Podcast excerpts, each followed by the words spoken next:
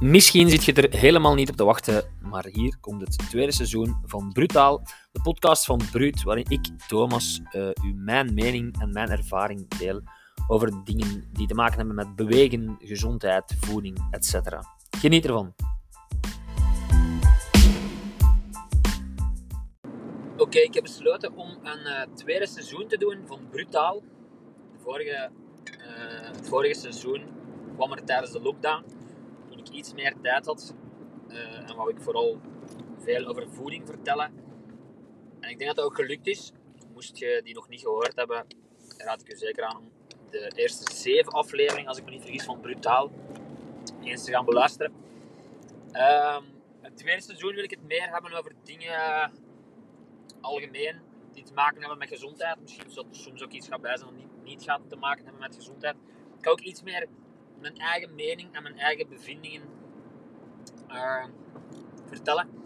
Omdat ik, niet omdat ik denk dat ik uh, alle wijsheid in pacht heb, of dat ik heel veel kan bijleren aan mensen, maar vooral omdat ik de laatste jaren toch wel wat dingen tegen ben gekomen uh, en eigen ondervindingen heb over dingen die werken en dingen die niet werken. Wat dat je daarvan vindt, dan moet je zelf weten. Als je een andere mening hebt, stuur me gerust een mailtje. Wie weet lees ik het wel. Wie weet verander ik wel van gedacht.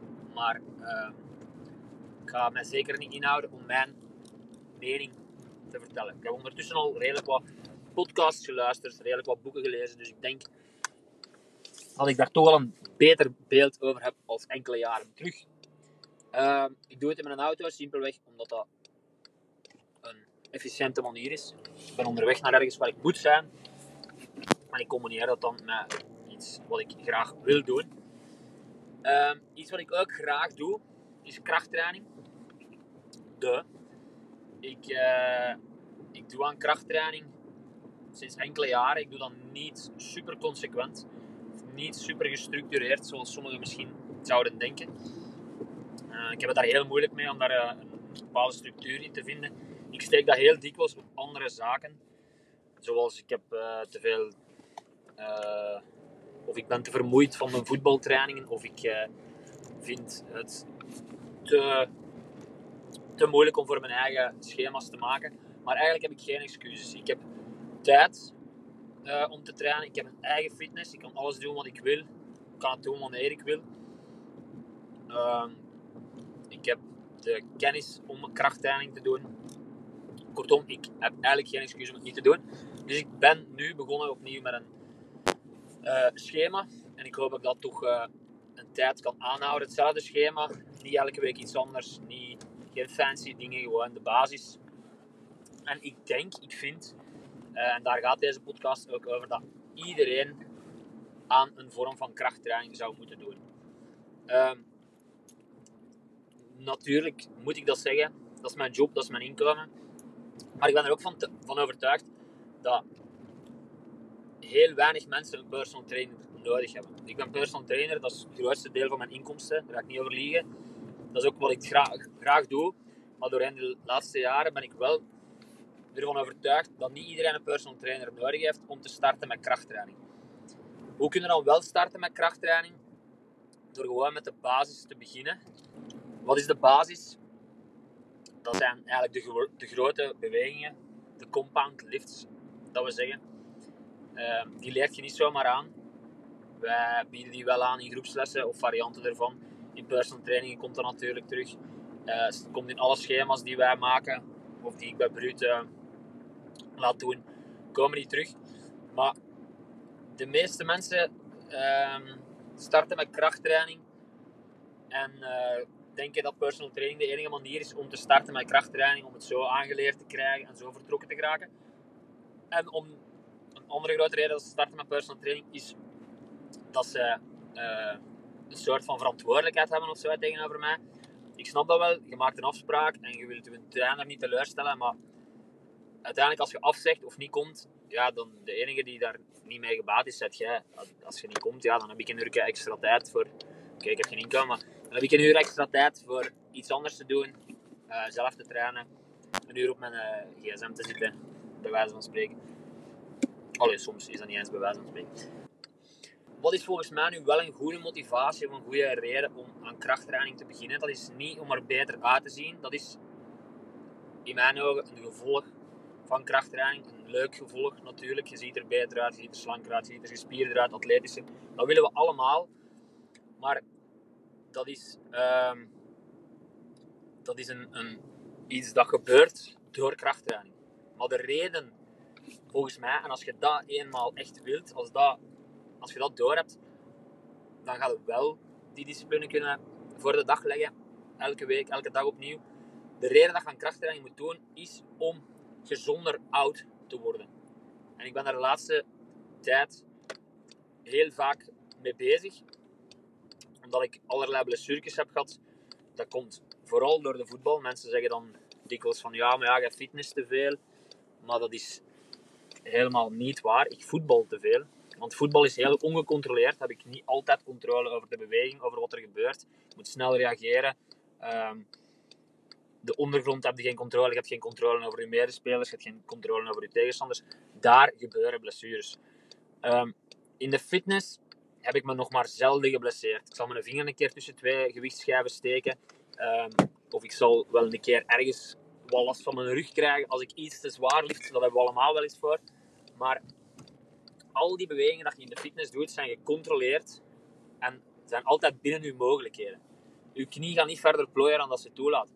Maar we proberen die knie wel juist sterker te maken. En dat is iets waar ik dan toevallig heel veel mee bezig ben de laatste weken en maanden, omdat ik zoveel last heb van mijn knie.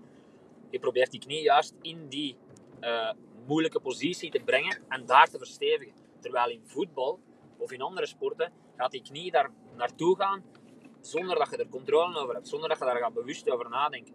Dus dat is eigenlijk veel gevaarlijker voor blessures. Maar dat is, allez, dat is, geen nieuwigheid dat ik vertel dat voetbal uh, best een blessuregevoelige sport is.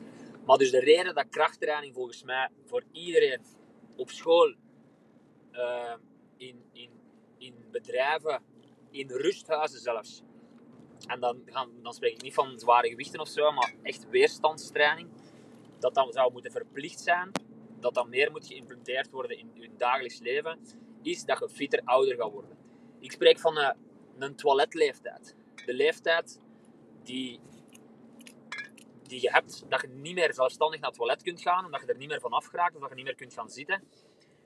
Dat is wat ik noem de toiletleeftijd. Die ligt vast.